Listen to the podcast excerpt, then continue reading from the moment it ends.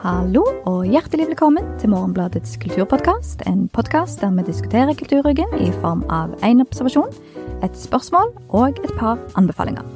Mitt navn er Elise Dybvig, jeg er kulturjournalist her i avisen. Og sitter som vanlig sammen med kritiker og kommentator Aksel Kielland. Hei. Hallo. Aksel, navnet Vladimir Wysotsky, sier det deg noe? Nei. Eh, ikke umiddelbart. Klinger russisk eller uh, ukrainsk?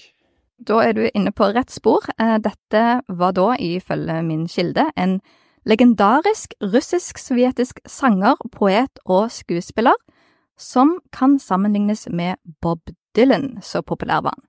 Aldri hørt om. Og eh, sjøl, altså. Og kilden min er den norske oversettelsen av det ukrainske teaterstykket Moren av Gorkij skrevet av dramatikeren Lena Lyahusjunkova, som det nylig ble arrangert en lesning av på Nationaltheatret i Oslo. Og så skulle jeg da intervjue denne dramatikeren, og i den oversatte versjonen av teaterstykket hennes så var ulike navn og titler markert i gult, og så fulgte forklaringer av disse til slutt, som av denne Vladimir Wysotsky. Eh, og sånn jeg har skjønt det, så er det veldig lite ukrainsk dramatikk som tidligere har blitt oversatt til norsk, og eh, oversetteren av dette stykket, Marina Hobbel, hun gjør en veldig god jobb med å forklare referansene i dette stykket. Det fascinerende er hvor mye som faktisk må forklares. Og liksom alle referansene må forklares. Og da skal jeg bare ta en til som viser liksom at hvor mange lag med forklaring du må gjennom for å få en forståelse av hva det er snakk om. For for eksempel så dukker det en referanse opp til Pronja Prokopovina og Holokvastov. Ok, aldri hørt om så står det videre at dette er karakterer fra den ukrainsk-sovjetiske komedien Tsadvoma Tsaitsiami. Det sier meg heller ingenting. Og så får jeg opplyst om at uh, den engelske tittelen på denne filmen er Running After Two Hairs. Sier meg heller ingenting. Filmen er fra 1961. Det sier meg heller ingenting. Og så kommer det basert på teaterstykket av Mikhaljo Staritsky. Hvor, ja, nei, fremdeles ganske ute av det. Og så får vi en heldigvis en liten eh, beskrivelse til slutt om at Pronja Prokopvina er en mindre pen, men rik ung dame som Holokvastov prøver å gifte seg med for å forbedre sin økonomiske situasjon. Ok, greit. Ok, ja, men da, da kan jeg liksom bruke det. Fint. Og så, da, dette bringer meg til ukens observasjon, som er denne. Hvor rart det innimellom er å få et, få en rask, blafrende påminnelse av at det fins populærkulturelle univers der ute som er deg helt, helt fremmed, og i dette tilfellet da kulturen laga og produsert under Sovjetunionen. Eh, jeg tenkte på det da jeg var eh, i Russland for noen år siden eh, og satt på en restaurant ved siden av noen finner, hvor nært dette er vårt eget land. Mm. Så for, for, finnene så er det jo, jeg vet ikke hvor lang en flytur det er fra Helsinki til St. Petersburg, men det er jo på en måte Kartet stopper stopper ved Finland, og så, så, har vi det for oss at det er veldig naturlig å reise på turer til USA og Storbritannia. Og så i tillegg, da, så er det jo dette med kulturen som Altså, eller det skal jo sies at det var jo en større kulturutveksling eh, med Sovjet i gamle dager enn det er med Russland nå, vil jeg si. Altså, Absolutt. Jeg vet ikke hvilke, hvilke populærkulturelle fenomener vi har fra Russland dette tiåret, eller århundret, bortsett fra Hva heter den der gruppa? Tatu? Mm. Og Pussy Riot. På 70-80-tallet så var det jo Altså, vi har jo barne-TV, om ikke annet. Veldig godt poeng. Det har det jo kanskje fortsatt. Det, hva heter det med den bjørnen? Masha og Dasha? Masha ja, stemmer. Det, det, lyser jo russisk ja. på alle mulige måter. Nei, nei det er liksom det. Og så at i hvert fall En skal ikke reise så langt i tid og sted før at plutselig den noe kjent, men veldig ukjent samtidig følelsen oppstår. Og da, da skal det jo faktisk sies at dette verket, teaterstykket, det absolutt kommunisere selv om det. Ikke gjør det, men det er en veldig god replikk som oppsummerer den følelsen av å møte et verk der du forstår alle ordene, men du føler likevel at du står på utsiden og kikker inn, og da er det det to stemmer snakker liksom om det å skulle leke, men så finner de ikke helt sammen, og så er det en som sier hva skal du leke med en jente som ikke vet noe om persondyrkelsen av Stalin? At det liksom det er så mye som ikke stemmer, eh, for en kommer fra helt ulike steder, sånn at en må liksom enten velge å, å, sette seg inn i det, eller så må en bare velge å akseptere at her er det ganske mye som vil falle bort da, i møte med det. Så fra kultur fra gamle dager, som trenger litt uh, kontekstualisering, så skal vi til kultur om gamle dager som trenger litt uh, kontekstualisering. For ukas spørsmål, uh, Elise, hvordan lyder det? Hva er egentlig problemet med to filmer om senkingen av Blücher? Rett før jul sendte Norsk Filminstitutt ut et presseskriv om de siste filmprosjektene som har fått tilskudd gjennom det som kalles for markedsordningen. Og da, for å få eh, støtte gjennom denne ordningen, så bør det være stor grunn til å tro at den ferdige filmen kommer til å trekke godt over 100 000 mennesker til kinoene. Og det er jo, en pleier å vitse i norsk film om at eh, det er alltid noen filmer som eh, nettopp klarer dette, Aksel. Jo, det er jo da som regel barnefilmer basert på kjente figurer og fortellinger. Så er det det vi med et litt sånn begrep kaller storfilmer, eh, hvilket de siste 17 årene ofte har eh, betydd filmer om andre verdenskrig. Nettopp. At filmer som handler om andre verdenskrig kommer med i denne ordningen, det er kanskje ikke så spesielt, men det var likevel noe litt spesielt med dette presseskrivet. Og da var det sånn at eh, et av disse prosjektene med tittelen Blücher fikk eh, tolv millioner kroner, og skal ifølge presseskrivet tas med til Oscarsborg de dramatiske morgentimene 9. april 1940. Presset hviler på oberst Eriksens skuldre, der han står med utdatert utstyr og ferske rekrutter, som siste skanse mellom Oslo og verdens største krigsmakt. Så var det et annet filmprosjekt, Natt til niendene. De fikk åtte millioner kroner, dette ble da presentert som eh, en film om eh, oberst Eriksen og de mest dramatiske timene i norgeshistorien. Og her er da en slags synopsis. 9. april 1940 er den 64 år gamle obersten kommandant på Oscarsborg festning. Eriksen mangler både mannskap og etterretning. Når et krigsskip dukker opp i tåken, må han ta et vanskelig valg. Eriksen senker skipet og utsetter invasjonen av Oslo, som redder konge og regjering. Til tross for at Eriksen er vår største krigshelt, måtte han etter krigen svare for seg i en kommisjon som han opplevde som svært urettferdig. Og dette er jo samme, samme hendelse, det var det ganske åpenlyst fra start av. Ja. Det morsomme med dette var at jeg først leste om den tildelingen, så forveksla jeg Blücher med Tirpitz, det store skipet som ble senka utenfor Tromsø. Som jo bare betyr at det er enda flere. Her er det en haug å ta av. filmene igjen. Jeg tipper Nord-Norge kommer jo litt skjevt ut i disse filmene, sånn at det blir kanskje bare ett, men én film om, om Tirpitz. Når denne tildelingen ble jo kjent, så skjønte jo alle at nå var det bare var det bare å rulle ut den røde løperen, for nå var det tid for en ny runde med debatt om hvorvidt det lages for mange filmer om andre verdenskrig eh, her til lands. Og det er jo en eh, Hvis jeg, hvis jeg søker i mediearkiv, så den store saken om at eh, nå kommer alle filmene om andre verdenskrig, den, den, lages hvert år, ser det ut som. Så da, og da er vi jo ved, liksom, ved, ved, dagens, ved, dagens, spørsmål om det er et Er det egentlig et problem at det kommer to filmer om denne senkingen? Er det et problem at vi bare lager filmer om andre verdenskrig, eller gjør vi egentlig det?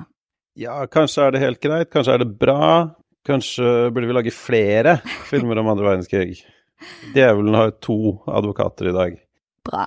Skal prøve å Nei da, altså Jeg tilhører jo de som har eh, hevda at det har vært for mye av dette for lenge.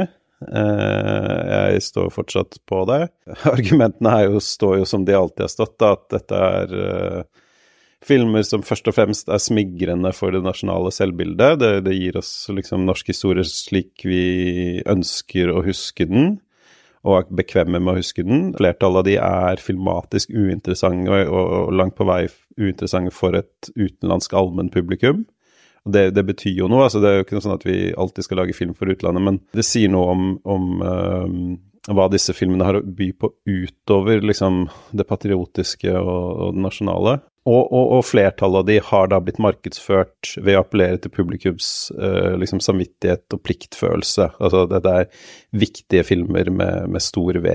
En sier vel at alt dette Alt dette, men at, at mye begynte da med Max Manus, som kom i 2008. Og ja. der var det vel over en million som gikk og så den? Ja, 1,1 altså, ja, 1,1 millioner. Det er jo helt vilt. Ja. Og siden har ingen klart det samme, men de er jo veldig, veldig godt besøkte. Derfor lurer jeg litt på at når en tenker sånn, hvor skal en legge hvem skal, man, en skylde på for denne bølgen av storslåtte andre verdenskrig-filmer? Er det, Er det Norsk Filminstitutt som gir penger til disse filmene? Er det liksom at norsk filmbransje ikke klarer å fortelle andre historier? Selvfølgelig, det gjør de jo, men eh, satt på spissen. Men når det, når det publikum som strømmer til disse filmene, så har en vel ikke noen skulle ha sagt? For da er det vel flott at uh, kinoene selger billetter og holder stolene varme? Altså, sånn rent næringspolitisk så er det jo det. Det sysselsetter jo en haug med kronikkskribenter og, og, Ja, men faktisk så var det ikke akkurat sånn det var, uh, historikere. Altså, hvis vi ser på publikumskurven for disse filmene, du nevnte Max Manus har sånn, solgt 1,1 millioner billetter. Kongens nei 700 000, over 700 000. Tolvte mann over 600 000. Kampen om Narvik endte på over en halv million. Krigsseileren på over 400. Så peker det jo nedover, eh, ganske sånn markant.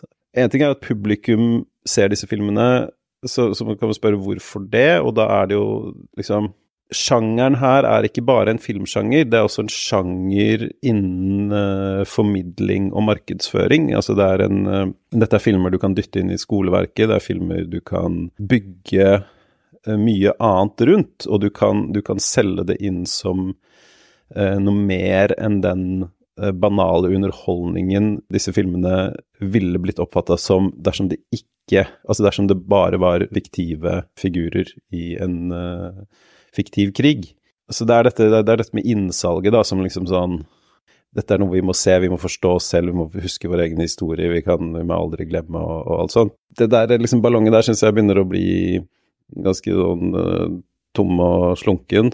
Jeg vet ikke hva ballonger er når det ikke er så mye luft i Altså, det virker, det virker, som noe har skjedd da de siste årene med det der. Altså, eh, vi hadde Gulltransporten, denne filmen som uh, Gikk rett på Viaplay, var det ikke det?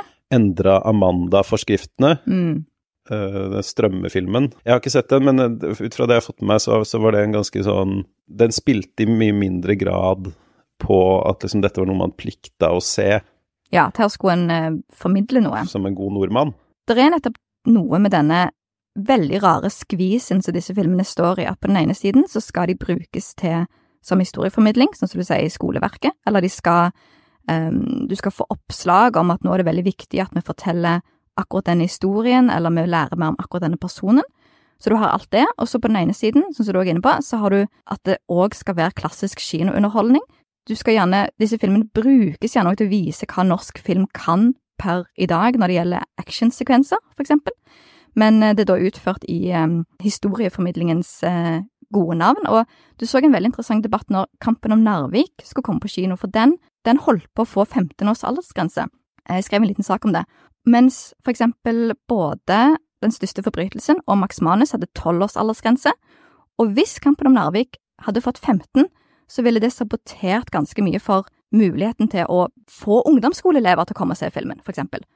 Sånn at om du ender på 12 eller på 15, sier jo ganske mye om at den der liksom utvida sonen disse filmene skal operere i, som da bringer oss fram til i dag, fordi at en har jo hatt en sånn fortelling om at nå har vi hatt alle de der heltefortellingene, og nå kan du få en del publisitet og presseoppmerksomhet hvis det handler om den ukjente siden, men ofte så er det sjelden den ukjente siden, det er mer bare nå skal denne landsdelen få lov til å bli bitte litt med i de filmene vi, velger å um, lage. Ja, Altså, så det du har her, er en, en formel, da. Altså, du, har, du tar en, du tar en uh, viktig historisk hendelse eller figur, lager en, en påkosta en, en, Altså det vi kaller en storfilm om det appellerer til uh, samvittighet, patriotisme, uh, historieforståelse. Og så markedsfører du det da som, som, noe mer enn en kinofilm, men det du da leverer i salen, er, en ganske, er klassiske Hollywood-filmer, med kanskje et lite unntak av 'Kongens nei' og 'Krigsseileren', som var, er de beste av disse, og, og liksom prøve på noe mer. Ifølge deg. Men fortsatt liksom innenfor storfilmens rammer, da. Så er spørsmålet hvor lenge denne formelen eh, fortsetter å virke. Så vi har jo snakka mye om uh, såkalt uh, superhelt-fatigue i podkasten. Ser vi en andre verdenskrig-film fatigue i Norge? Inntrykket mitt var at når Krigsseileren skulle lanseres, og når Kampen om Narvik skulle lanseres, så var det en del usikkerhet i filmmiljøet om hvorvidt disse filmene vil slå an sånn som de var tenkt, og at dette var en slags test for om er det ennå publikummere som vil komme på denne type filmer. Og det, tross alt, ok, ja, vi ser en litt sånn dalende kurve, men det er samtidig så solide tall sammenlignet med en del andre norske filmer får. Sånn at, så jeg tror egentlig at det var klarsignalet en del av den filmbransjen trengte for ok, puste letta ut, ok, det er faktisk litt mer igjen i denne type historier, denne type filmer, vi går videre. Og nå er det jo sånn at meg og deg, Aksel, har jo på hver vår kant sett uh, siste tilskuddet i rekken av uh, norske krigsfilmer, nemlig Konvoi, som uh, kom på kino nå i romjulen. Jeg fant et handlingssammendrag på internett, så jeg tenkte jeg skulle lese, lese høyt. Konvoi er da regissert av Henrik M. Dalsbakken. Der følger vi et norsk lasteskip på den dramatiske reisen fra Island mot Murmansk under stadige angrep fra tyskerne. Filmen er basert på de virkelige hendelsene om konvoiene som brakte krigsmateriell fra de allierte til Sovjetunionen. Og når jeg var på den visningen, Aksel, så jeg vet ikke om det skjedde med deg òg, så fikk jeg i, um, før filmen begynte, en slags teaser til Quisling, som kom i, um, til høsten. Og jeg følte veldig at det var kinoversjonens variant av uh, strømmetjenestenes Hvis du likte denne, så kommer du garantert til å like denne. Eh, er du her for å se en norsk krigsfilm, så kan du bare Bli. Egentlig bare parkere deg her, fordi at om et halvt år så kommer neste installasjon. Nei, det var ikke noe Jeg har fortsatt ikke sett uh, Quisling-trailer eller teaser. Det var ikke noe sånt. På Bergen kino er det mest uh, Kiwi-reklame. Ja, skjønner. altså, det siste besøkstallene jeg fant på Konvoi, er 160 000. Mm omtrent. Og den vil vel kanskje da komme opp i 200, uh, men det er da halvparten av krigsseileren. Og jeg syns jo Eh, jeg har ikke fulgt så godt med på lanseringen av Konvoi, men jeg syns jeg har oppfatta at den ikke spiller på den der nasjonale plikten, samvittigheten til publikum, på samme måte som, eh, som mange av disse andre filmene vi har snakka om. Uh, og det har kanskje noe med det kollega Ulrik Eriksen skrev i sin uh, anmeldelse om at dette er uh, her har man forsynt seg fra, fra britenes uh, krigshistorie. Mm. Uh, men også det at dette er en reindyrka underholdningsfilm som egentlig ikke handler om noe mer enn å skape drama og spenning. Og, og den er ganske eh, godt laga. Den bruker alle triksene i boka, men den gjør det ganske godt. Men det er også en film som du ikke blir gående og dvele på. I hvert fall ikke jeg, mm. i, i, lang tid etterpå. det er spennende, og så er det over. Uh, og representerer da på en måte en slags sånn uh, reduksjon av andre verdenskrig til setting og estetikk og et tematisk univers, uh, mer enn at det liksom handler om noe av de, av de store spørsmålene da, som, som krigen bærer i seg. Nei, jeg er helt enig på den måten at filmen, sånn som du sier, koker ned andre verdenskrig til ren action rent scenisk spetakkel på en veldig overbevisende måte, og helt i starten så får du jo beskjed om at dette er inspirert av virkelige hendelser, nå, så den gjør klar over at nå har vi liksom har vi tatt ganske mange skritt bort fra det der undervisningsopplegget som har fulgt med alle de andre filmene, og det har jo kanskje òg vært, øh, og det er kanskje bra, det er kanskje et problem, hvem vet, men ofte så har jo andre verdenskrig-filmen vært en sånn biopic, en sånn biografifilm, der du baserer deg på et levd liv, og dermed òg så sitter du jo da fast i en del Biografifilmen er jo ofte en veldig kjedelig sjanger til å begynne med. Det er jo ofte sånn bare sånn prisfilmer eh, som skal vise hvor god denne skuespilleren er til å spille denne historiske karakteren. Samtidig med Konvoi så syns jeg det var veldig fascinerende, og det er òg et poeng som Ulrik Eriksen kommer med i sin, uh, sin anmeldelse av filmen, altså Konvoi, at der, jeg syns du kan skimte Det er noe Det kan jo bare være i mitt hode, men at tonen nå har endra seg, og at noe av det handler om hvorvidt disse filmene lages når det er fred i Europa versus når det er krig. Og så vidt jeg kan se, så måtte de skyve på innspillingen av Konvoi, sånn at Konvoi er spilt inn etter Ukraina-krigen brøt ut eh, i 2022.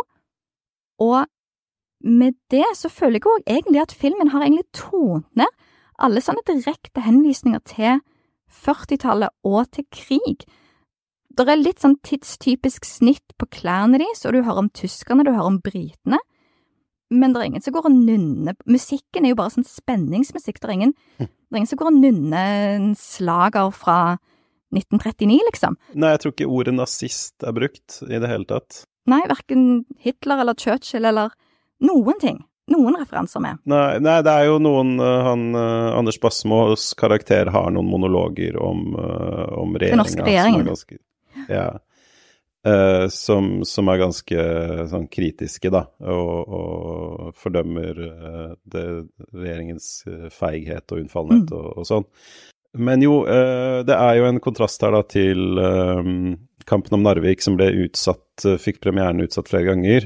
Og en av de utsettelsene kom pga. krigen i Ukraina, fordi man tenkte at publikum var ikke i humør til å se den type film når det foregikk ekte ja, altså det handler også litt om formidlingsansvaret, at nå har vi brukt så mange ressurser på å fortelle akkurat denne historien om Narvik, da ønsker vi ikke at den skal leses for mye opp mot det som skjer nå. Vi vil gjerne at den historien skal få lov til å få plass og snakke for seg sjøl, litt sånn uforstyrra av det som skjer rundt, da. Eh, skjønte jeg òg det handler om. Ja, så det er noen ramme som er på en måte helt borte igjen, da. Men så har det jo noe med eh, Altså, det er jo mye lettere å sette pris på en, en, en krigsfilm med, med sånn uh, patriotisk tilsnitt når det ikke er krig. Altså når du ikke må lese den opp mot krigens realitet. Mm. Men som Ulrik også var inne på i omtalen, så kan det virke som om norske publikummet har blitt mer komfortable med å se uh, krig på film pga. Ukraina-krigen, som vi tenker på som en veldig svart-hvit sånn onde russere, gode ukrainere krig, og som vi kanskje nå har blitt litt sånn vant til, fordi den bare durer og går. Uh, og at du har da på en måte et slags sånn omvendt Star Wars. Uh, altså at Star Wars får, har, har, har, mange filmhistorikere fått æren for å liksom gjøre amerikanere, amerikanske folket, klare for kriger igjen etter Vietnam, ved å liksom fremstille krig som noe sånn underholdende og eventyraktig og moralsk svart-hvitt. Uh, mens her har du da en ekte krig som da gjør publikum mer mottakelig for enkle krigsfilmer. Veldig interessant, fordi på, på, bussen på vei bort til å se denne filmen onsdag formiddag, eh, så i, i, forrige uke så begynte plutselig alle mobilene rundt meg å lage lyd, og det var da snakk om testing av dette nødvarselet på mobil og Sivilforsvarets varslingsanlegg, og da, da var jo beskjeden blant annet at i en reell situasjon så inneholder denne type nødvarsel eh, informasjon om hva som skjer, og hva du bør gjøre for å beskytte deg sjøl. Mm. Så jeg var liksom Det var sånn fem minutter før jeg gikk inn i, i eh, kinosalen og var litt anspent på grunn av det. Og så ser jeg filmen, som handler jo om at ja, verden er skummel, og det er skummelt med krig, men ta deg sammen, gjør din plikt, så går det bra. Og etterpå så vil jeg nesten si Vet ikke, ja, jeg vil driste meg til å si at denne filmen føltes mer som propaganda enn Max Manus, på den måten at type Max Manus, som jo veldig er Nå skal du lære om denne, disse flotte menneskene som finnes i norsk eh, historie føltes etter konvoi, hvis jeg hadde latt alt uh, av kritisk sant ligge, eller til og med hvis jeg tok det med meg inn i salen, så på slutten av konvoi så hadde jeg en sånn følelse av ja, hvor kan jeg melde meg til tjeneste, Hvem, hvor, hvor, trenger de meg, hva, hva, hva, vil de ha meg? Jeg vil òg uh, bevise at uh, jeg klarer å stå i disse tøffe situasjonene og likevel gjøre det som er riktig, og at filmen da sånn sett, ved å tone ned de konkrete andre verdenskrig-referansene, så sitter du igjen med en veldig tidløs film om norsk heltemot som ikke trenges å forankres i historiske personer, og dermed ikke angår deg. Nei, og, det er jo på en måte veldig mye av de historiske liksom, spenningsfilmene som Hollywood har lagd gjennom tidene, er jo designa på mer eller mindre den måten. da, Altså at det skal være virkelig nok til å engasjere, men abstrakt nok til å ikke måtte ta stilling til. Uh, I hvert fall i de tilfellene det er noe kompleks materie. Jeg tenkte litt på, Vi snakka for så vidt om det når vi snakka om eh, Top Gun for noen år siden. Top Gun fikk jo også veldig drahjelp av Ukraina-krigen, i den forstand at uh, mm. det var sånn plutselig entusiasme for å sende jagerfly fra Vesten. Så du hadde en sånn flyvåpen, var liksom noe alle, alle snakka mye om, og så tror jeg det bidrar ganske mye til den filmens uh, inntjeningstall. Det interessante her er vel da hvor langt vi har kommet, da. Fra, denne, fra Max Manus og liksom måten den, eh, den presenterer på, liksom det derre alvorstunge uh... Jeg klarte å spore én bevisst humoristisk kommentar i konvoi, ellers er det fullt og inderlig alvor hele veien. Ja, men det er på en måte ikke Altså, det er det med, med disse norske krigsfilmene at, at, du må også se filmen er bare en del av det, da. Uh, altså markedsføringen og innsalget er, er, ofte vel så viktig. Her har du jo fravær av i, i, alt rundt filmen, da har du fravær av dette gravalvoret. Der er det mer liksom uh, lystige terningkast og gode sitater på plakaten.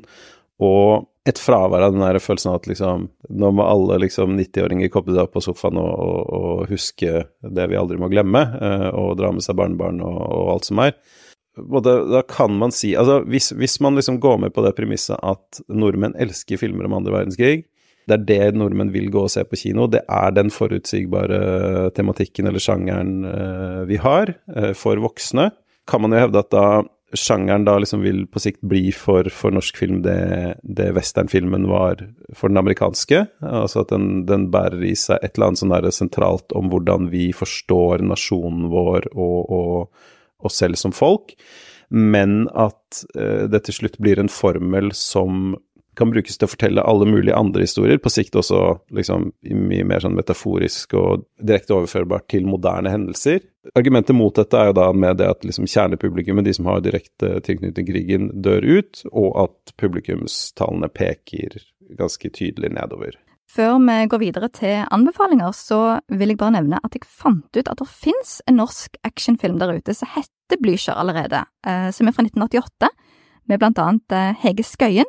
Den handlingen, sånn som jeg ser det, så foregår den i nåtiden, med at eh, Blücher da ligger på bunnen av Oslofjorden med tonnevis av ueksplodert sprengstoff, og to dykkere må altså ned, planlegge en ekspedisjon ned til vraket så viser det seg at det ligger Gestapo-papirer med skipet som ikke vil tåle dagens lys, og en multinasjonal forretningsavtale står på spill, så er spørsmålet hvem er venn og hvem er fiendene i denne hasardiøse jakten på Blüchers hemmelighet. Den ligger på YouTube, kan ikke anbefales, men uh, en remake av den med litt uh, sjangerlek med andre verdenskrig, estetikk og troper, ja takk, det hadde vært noe. Hva vil du anbefale i dag, Aksel? Eh, jeg skal starte med en, en, rettelse til en anbefaling jeg kom med før jul, hvor jeg kom i skade for å si at begge de to lang, langtidsstengte antikvariatene i Bergen eh, var stengte. Eh, hvis at ett av de, det oppdaga jeg rett etter vi hadde spilt inn, ett av de, det som ligger vis-à-vis fotballpuben, det har åpna igjen. Aha. Eh, Ellers skal jeg anbefale min favoritt-TV-serie fra i fjor, som nå endelig er tilgjengelig fra en norsk strømmetjeneste. Det er um, The Curse, som uh, nylig ble sluppet på Sky Showtime. Det er da denne serien med Emma Stone, Nathan Fielder og Benny Safti, uh, hvor de Som handler om uh, et, et par unge gentrifiserere som skal gentrifisere et sånt slitent bysamfunn i New Mexico ved hjelp av et økologifokusert sånn boligprogram. Veldig fascinerende og interessant serie. Så kommer det også sikkert til å bli stående som en av årets beste, hvis man teller det som en 2024-serie. Jeg har veldig lyst til å se den, men så har jeg lest så mange steder der folk sier at den er så ekstremt ubehagelig, så da um... Den er bare bra, så må folk eh, liksom folk må, må skjerpe seg. Folk har, folk har blitt for vant til Det er liksom sånn Den er ikke den Jeg skjønner litt hva folk peker på, men det er, det er bare det at til, det meste man ser av TV, er så liksom behagelig og bedagelig. Så dette er noe man faktisk må liksom se og ta stilling til. da skal det ikke så mye til før uh... Nei, det skal ikke det. Det er vel bra. Uh, yes, jeg har vært og sett den franske filmen Fritt fall, uh, som nå går på kino. Den vant eh, Gullpalmen under Cannes-festivalen i fjor, og er et helt fantastisk rettsdrama. Regissør er Justine Trier, og en kan jo aldri få nok av gode rettsdrama, men dette her er et usedvanlig godt rettsdrama på den måten at den, for de gangene jeg selv har vært i retten og observert en sak, at den virkelig får fram hvor vanskelig det er å komme fram til hva som egentlig har skjedd, at egentlig for hver ny opplysning, for hver ny vridning på perspektivet, så kommer du bare lenger og lenger vekk fra det som har skjedd, framfor å komme nærmere det. Helt nydelig gjort og veldig godt lagt. Anbefales på det sterkeste. Og da tenker jeg vi bare sier tusen takk til vår produsent Kristine Aas, og at ansvarlig redaktør er Sunn Heidi Sæbø, og at vi snakkes igjen neste uke.